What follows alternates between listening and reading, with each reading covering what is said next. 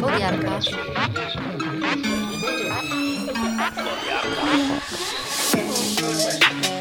Jarka Kaniusz.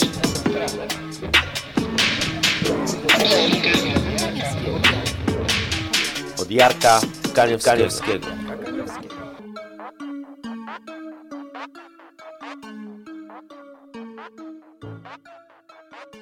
W poprzednim odcinku opowiedziałem Wam o wyzwaniu, którego się podjąłem. Otóż chciałbym w 2021 roku, czyli dodaję do tego jeszcze ramy czasowe, sprzedać przynajmniej 20 tysięcy egzemplarzy napisanej przeze mnie książki, wydając na jej reklamę maksymalnie 2000 złotych. Czyli, jak sobie szybciutko wyliczyłem, w sprzedaż jednego egzemplarza książki chciałbym zainwestować maksymalnie 10 groszy. I zanim w szczegółach opowiem Wam, jak chcę to zrobić, pozwólcie, że najpierw cofnę się w czasie i opowiem Wam o samej książce oraz o historii jej powstania. A nawet pomyślałem, że skoro jest to początek mojego podcastu, to może opowiem Wam trochę o tym, jak zostałem copywriterem oraz o sekwencji zdarzeń, które doprowadziły do powstania czy napisania tej książki, bo myślę, że jest to nawet ciekawa historia. Część historii z tego odcinka napisałem kiedyś na moim blogu, więc jak ktoś go czytał, no to teraz może mieć taki efekt déjà vu. No ale skoro postanowiłem, że przenoszę się teraz na podcast, to i ten fragment mojego życia pomyślałem, że udźwiękowię, a że jest to jedna ze składowych, która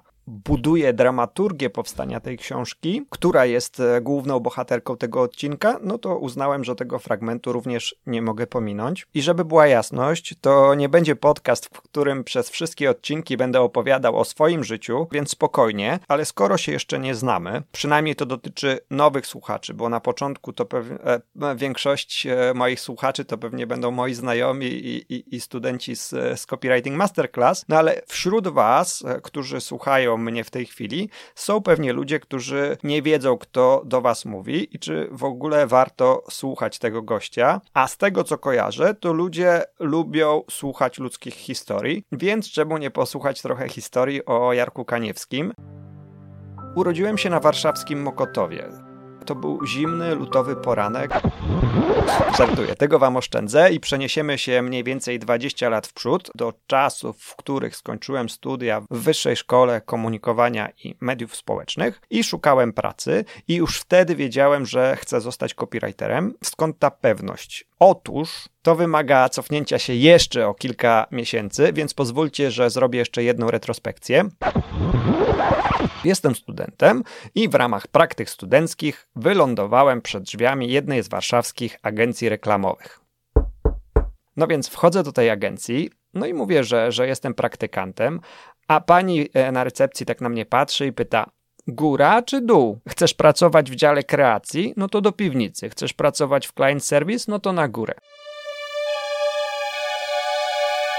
Nie wiem, czy znacie, jest taki serial Czarne Lustro i tam jest taki odcinek, nazwijmy to interaktywny, w którym musisz podejmować decyzje typu zostajesz czy uciekasz, e, mówisz prawdę albo kłamiesz. No i w zależności od tego, co zrobisz, no to, no to przyszłość, nazwijmy to ta linia życia, wskakuje na inny tor. No to wtedy ta pani zadała mi pytanie góra i dół i to był taki, jestem pewien, krytyczny moment, krytyczna decyzja. No jak się domyślacie, podreptałem do piwnicy, a tam spotkałem paru gości pijących akurat piwo i grających w rzutki.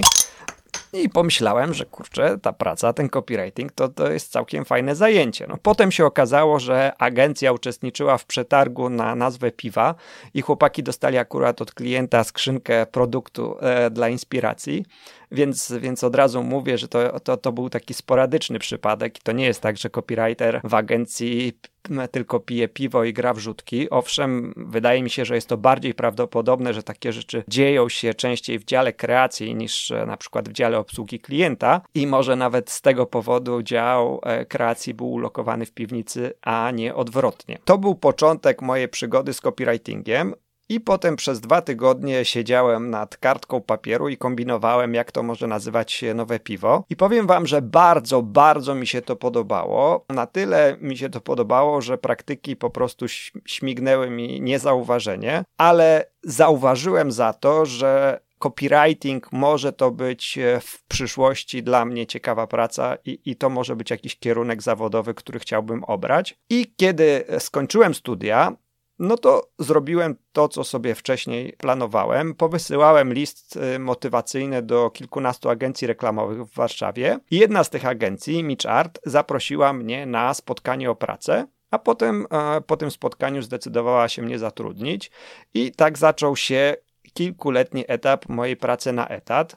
Najpierw e, w jednej agencji, potem w kolejnej, nieco większej. Ta druga agencja to była agencja Dialog Galicja, która zajmowała się marketingiem bezpośrednim i zarabiała kupę kasy na obsłudze eventów i akcji sprzedażowych. Tak jak w pierwszej agencji zajmowałem się bardziej ATL-em, ten skrót to jest dla niewtajemniczonych od zwrotu above the line, czyli głównie były to reklamy telewizyjne i radiowe. Tak w tej drugiej agencji zajmowałem się BTL-em, czyli mm, below the line, czyli promocjami sprzedażowymi, direct marketingiem i na pozór takimi bardziej przyziemnymi duperszmelcami reklamowymi. Chociaż były to wciąż ciekawe i wymagające projekty, bo niezależnie od tego, czy masz do wymyślenia scenariusz reklamy telewizyjnej, czy masz do wymyślenia scenariusz promocji konsumenckiej, no może owszem, to pierwsze jest bardziej wdzięcznym tematem, ale oba te projekty, żeby zrobić je dobrze, żeby odniosły sukces, wymagają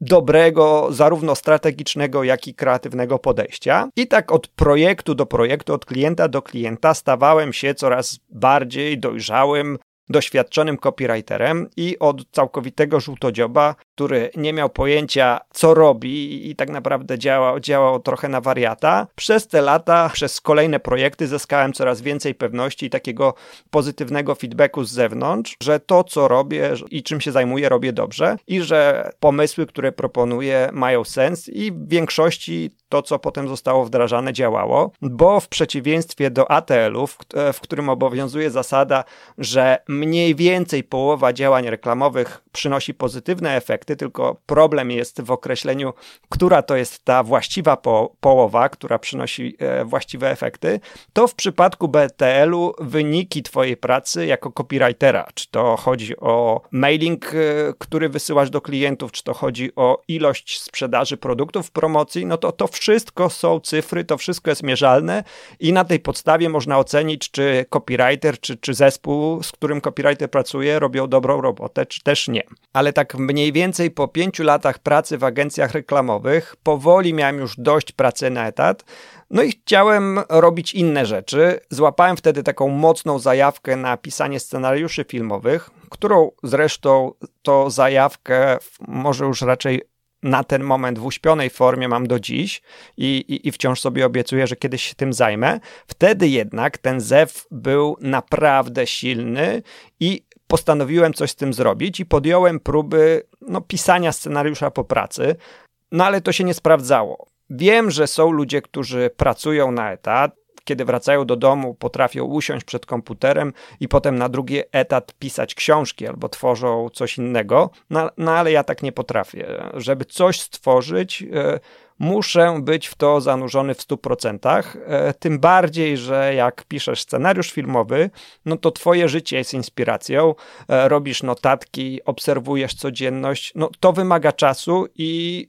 to wymaga bardzo dużego zaangażowania umysłu, a ja projektując, nie wiem, billboardy dla Auchan o nowej promocji na cukier albo tworząc mechanikę promocji sprzedaży Nescafe, no to wciąż byłem w tym zajęty, byłem w tym zanurzony i wciąż płakałem sobie w rękaw, bo wiedziałem, że e, rozpoczęty przeze mnie scenariusz kurzy się e, w folderze w moim komputerze. I któregoś dnia, gdy miałem już rzeczywiście dość tego całego agencyjnego szaleństwa, postanowiłem zrobić coś szalonego zaprosiłem do mojego mieszkania rodziców i szczerze opowiedziałem im o moich życiowych rozterkach, o mojej pasji do pisania scenariuszy, o tej całej frustracji, o tym, że mam owszem super pracę, ale po prostu, że czuję, że, że w tym momencie, w tym, na tym etapie życia czeka na mnie coś dużo bardziej e, ekscytującego, coś ważniejszego i że chcę tego spróbować, że chcę zacząć pisać scenariusze i jeżeli nie spróbuję, czuję, że będę sobie to potem e, wypominał do końca życia. I poprosiłem ich, żeby na pół roku zostali moimi, nazwijmy to, mecenasami, czyli innymi słowy, żeby zgodzili się na to, że ja zrezygnuję z pracy, a oni przez 6 miesięcy będą mnie wspierać finansowo, czyli że dadzą mi kasę na wynajęcie mieszkania i na trochę jedzenia.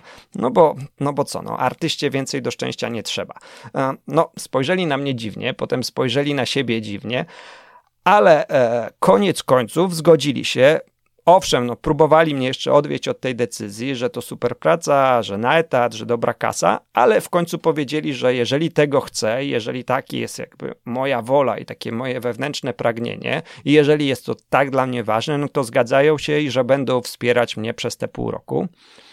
I powiem Wam, że teraz, kiedy o tym opowiadam, to wszystko wygląda na taką łatwą decyzję, ale tak nie było. No, kiedy e, tak na spokojnie się nad tym zastanowiłem, e, no to nie było w pewnym momencie aż tak łatwo rezygnować z tej pracy, e, w której to pracy zarabiałem naprawdę dobrze, miałem dobrą pozycję, jakieś tam perspektywy rozwoju i mówię wam tylko o tym, żeby pokazać, że te najważniejsze decyzje no one prawie nigdy nie są łatwe, bo często jest tak, że serce mówi jedno, a rozum mówi zupełnie co innego i dopiero kiedy rodzice dali mi zielone światło, i tak naprawdę ta druga droga, ta droga scenopisarska też stała się realna i nadszedł moment, w którym rzeczywiście trzeba było się odważyć, żeby zrobić ten krok, no to ta decyzja była decyzją, która naprawdę, naprawdę spędzała mi sen z powiek. No ale następnego dnia złożyłem wypowiedzenie i ktoś powie, że to przypadek,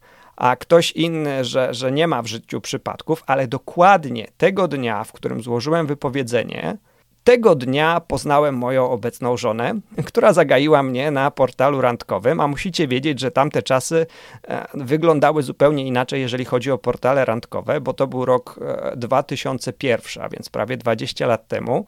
Mm, w sieci, e, jeżeli chodzi o randki, to mieliśmy randki o2.pl, czyli tlen oraz arena.pl, website, który, który już od dawna nie istnieje. I jakby się tak naprawdę ktoś uparł, to myślę, że w jeden wieczór mógł przejrzeć wszystkie profile randkowiczów nie tylko w swojej okolicy, ale w całej Polsce. Ale teraz na chwilę zostawmy ten miłosny wątek, chociaż dobre love story nigdy nie jest złe. Na chwilę jednak wróćmy do mojego wypowiedzenia. Umówiłem się wtedy z Aldoną, moją ówczesną szefową, że zostanę jeszcze w pracy na tak zwanym wypowiedzeniu przez dwa miesiące. Nie przez miesiąc, ale przez dwa miesiące, żeby pokończyć wszystkie projekty i żeby e, firma mogła zatrudnić kogoś na moje miejsce i żebym to ja mógł wdrożyć tę osobę. I dla mnie to było ok. Te dwa miesiące były w sumie w porządku, bo, bo nigdzie mi się nie spieszyło, już wszystko miałem poustalane. I tutaj pojawia się kolejny wątek dramatyczny, można nawet powiedzieć, że wątek religijny, bo oto mamy motyw ostatniego kuszenia. Bo jakieś e, minęły dwa tygodnie od złożenia wypowiedzenia, dostałem wtedy telefon od jednej z największych e, chciałem powiedzieć warszawskich, ale tak naprawdę światowych agencji reklamowych, bo to była filia polska jednej z, z, z globalnej sieciówki, Oczywiście to nie było tak, że ta propozycja pojawiła się znikąd. E, już jakieś pół roku temu byłem u nich na rozmowie o pracę, bo, bo wtedy jeszcze, jeszcze kombinowałem, żeby piąć się w górę po szczeblach tej copywriterskiej, agencyjnej kariery, no ale wtedy się nie zdecydowali, tylko kurczę musieli do mnie zadzwonić e, kilka tygodni potem, jak e, w bólach i po całonocnych rozkminkach zdecydowałem się rzucić etat i zostać domorosłym scenarzystą, a teraz ci mówią, że mnie chcą i że mnie chcą od zaraz. I proponują mi dwa razy wyższą pensję i że to jest agencja ATL, a więc fajne projekty, reklamy telewizyjne.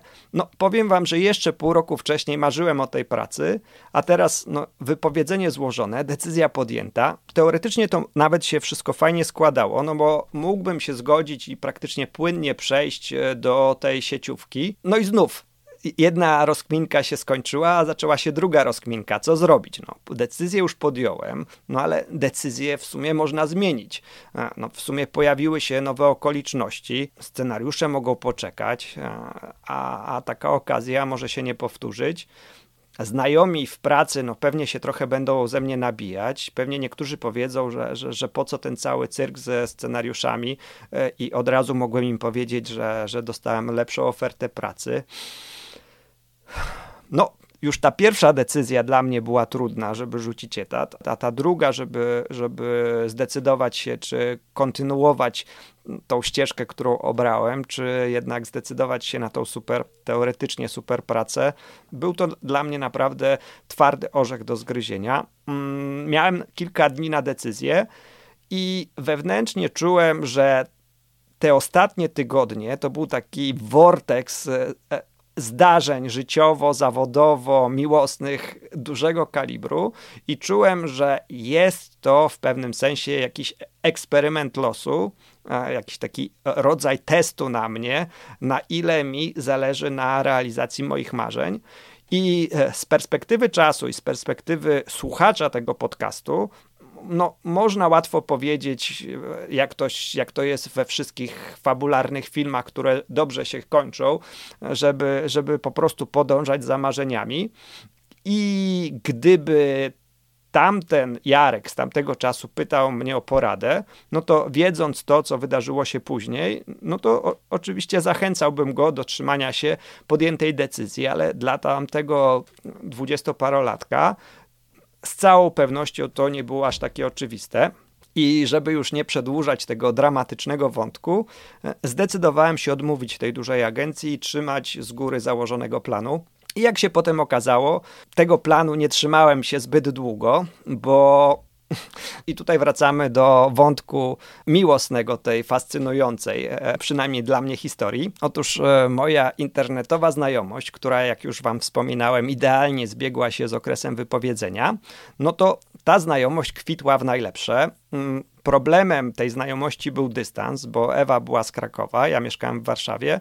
No, na początku to nam nie przeszkadzało, bo przez jakiś miesiąc pisaliśmy do siebie maile i, i dzwoniliśmy do siebie, bo dopiero pierwszy raz spotkaliśmy się w tak zwanym realu e, po miesiącu i dopiero wtedy pojawiła się ta miłość od pierwszego wejrzenia, przynajmniej z mojej strony. I równocześnie wtedy pojawiła się też potrzeba widywania się częściej. I tak w każdy piątek po pracy, którą jeszcze wciąż miałem, ruszałem do Krakowa i wracałem z Krakowa w poniedziałek rano, a gdy już skończyłem pracę w dialogu i zaczął się, że tak powiem, mój okres e, scenopisarski, no to mogłem wtedy już do Krakowa jechać na dłużej, co oczywiście skrzętnie wykorzystałem. Amore, miłość. No, jak ktoś jest zakochany, no to czas się zatrzymuje i nic innego nie ma znaczenia. No ale na zewnątrz czas biegnie nieubłaganie, scenariusz sam się nie pisze. Z drugiej strony życie pisało nam zupełnie inny scenariusz, bo już po kilku tygodniach Ewa mieszkała ze mną w Warszawie i żeby się nie rozwlekać, zamiast napisać scenariusz, zbudowałem związek, e, potem na tym związku zbudowałem rodzinę i powiem wam, że jestem w 100% przekonany, że gdybym nie zrezygnował wtedy z pracy, nie miałbym przestrzeni na pielęgnowanie tej relacji na odległość i nic z tego związku by nie było i moje życie potoczyłoby się zupełnie inaczej. A tymczasem po, po kilku miesiącach najpierw Ewa znalazła pracę e, jako dekoratorka w Almi Decor, potem ja przez chwilę pracowałem jako asystent kierownika planów w serialu Klan, to była miałem zupełnie inne wyobrażenia na temat pracy ekipy filmowej i może dlatego to, to był bardzo krótki e, epizod. E, to zresztą też jest kolejna historia ciekawa i może ją kiedyś opowiem, jak napisałem tak zwany cold email do pana Pawła Karpińskiego, który mnie potem zatrudnił, ale na krótko. A potem zatrudniłem się w agencji reklamowej i to nie była jakaś duża agencja, ale bardzo fajna, agencja, która się nazywała Communication Unlimited, w której to właśnie powstała kampania Pij mleko, będziesz wielki. I ktoś z Was mógłby zapytać, co ze scenariuszami? Tyle się starałem, tyle podjąłem wyzwań, tyle przełamałem murów i tak łatwo odpuściłem te wszystkie moje marzenia. Mm, no, w tamtym momencie życia związek, ta, e, znalezienie miłości, znalezienie bratniej duszy, okazało się, że to, był, to wszystko było dla mnie dużo ważniejsze i no, nie mogłem tego zaplanować i nie mogłem się temu przeciwstawiać, bo po prostu taki scenariusz napisało mi życie. Co ciekawe, byliśmy jednym z pierwszych małżeństw internetowych w Polsce, do tego stopnia, że występowałem e, w telewizji śniadaniowej i opowiadałem moją historię, a potem e, w zwierciadle ukazał się o nas też duży artykuł, a zgodziłem się na te rzeczy tylko dlatego, że uruchomiłem wtedy z kumplem taki mały startup, który był e, serwisem randkowym, nazywał się iloveyou.pl. Zrobiliśmy go takim kreatywnym serwisem randkowym. Nie, nie, nie poszliśmy w taką prostotę, e, w jaką później poszła, mm, nie wiem, sympatia.pl, tylko zachciało nam się dodać temu wszystkiemu takiego kreatywnego twista, mm, ale to jest na inną historię. Tutaj chcę tylko wam zaznaczyć, że kreatywność owszem, ale nie zawsze i nie za każdą cenę, bo czasami czasy i sytuacja wymaga tego, żeby zrobić rzecz najprościej i najzwyczajniej i to zupełnie wystarczy. I teraz tak, jeżeli ktoś z Was mnie uważnie słuchał, to pewnie powinienem od niego usłyszeć, e, ale co, co do cholery z tą książką? Opowiadasz mi połowę swojego życia, a w ogóle nie wspominasz o książce, dla której tutaj jestem i w ogóle słucham tego podcastu. No właśnie. E, pewnego dnia kiedy już wiedziałem, że skoro nie napiszę scenariusza filmowego, no to przynajmniej spróbuję napisać bajkę dla dzieci. Dlaczego bajkę? Nie wiem, po prostu poczułem całym sobą, że chcę napisać bajkę dla dzieci. Nie miałem pojęcia, o czym ta bajka będzie, nie wiedziałem, jaka to będzie bajka. W głowie jedyna myśl, jaka mi świtała, że chcę napisać bajkę o borsuku. No i usiadłem przy biurku, wziąłem do ręki pierwszy tom czterotomowej encyklopedii powszechnej, co też świadczy, że ta historia działa się dość dawno temu, albo nie było wtedy jeszcze Wikipedii, albo po prostu nie było zwyczaju zaglądania do Wikipedii. Anyway, patrzę pod literkę B, żeby zobaczyć, jak taki borsuk wygląda i jakie są jego zwyczaje, no żeby pisząc bajkę o borsuku, wiedzieć o kim piszę, żeby się w jakiś tam sposób nie ośmieszyć. No i szukam, patrzę pod literkę B, bo o, Borsuk jest Borsuk Ka Karol. Polski matematyk, jeden z czołowych przedstawicieli polskiej szkoły matematycznej.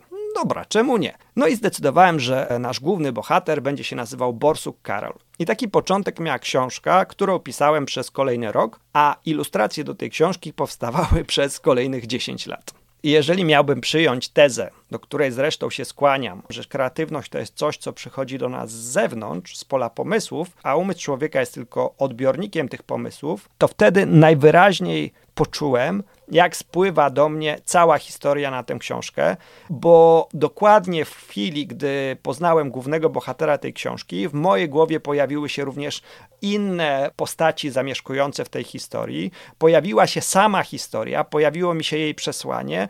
No i co? Nie pozostało mi nic innego, jak tylko usiąść na tyłku i tę historię napisać. A historia zaczynała się tak. W gęstym lesie przy Ruczaju mieszkał pewien borsuk stary. Mówić bajki miał w zwyczaju, więc zwierzęta go słuchały. Zwierz, co ludzkim głosem gada? Pewnie wielu z was się zdziwi, lecz to wcale nie przesada. Bajarz z niego był prawdziwy. Karol. Takie nosił miano, bo po babci przejął imię. Ojca również tak nazwano, też po babce Karolinie. Już od samej maleńkości krasomówczy dar posiadał. I choć siwy ze starości, teraz też bez przerwy gadał. Leśne ptaki i las cały, choć słuchały go czasami, za dziwaka dziadka brały, wyśmiewając za plecami.